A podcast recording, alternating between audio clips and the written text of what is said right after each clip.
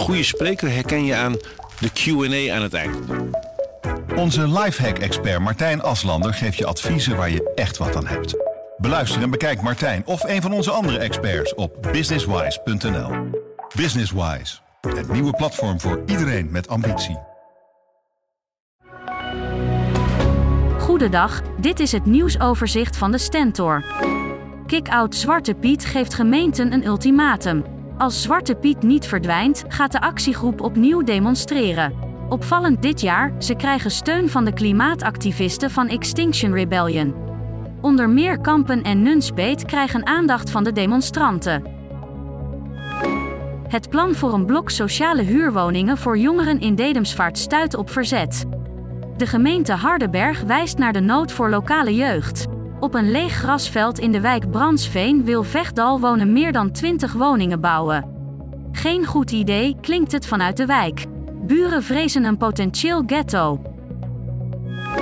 Terwijl de stichting Landart Flevoland inzet op renovatie van het afbrokkelende kunstwerk Sea Level in Zeewolde, blijkt de ontwerper voorstander te zijn van herbouw van de twee betonnen muren. Van de benodigde miljoen euro legt de wereldberoemde kunstenaar Richard Serra 8 ton zelf in. Hij wil dat zijn werker fris bijstaat. De bouw van een nieuwe loopbrug als ideale snelle verbinding tussen de campus van Hogeschool Windesheim en Hanseland, spoorzone, is nog niet van de baan. Al jaren zijn er plannen voor, maar ze kwamen maar niet van de grond. Nu start de gemeente Zwolle alsnog een haalbaarheidsstudie.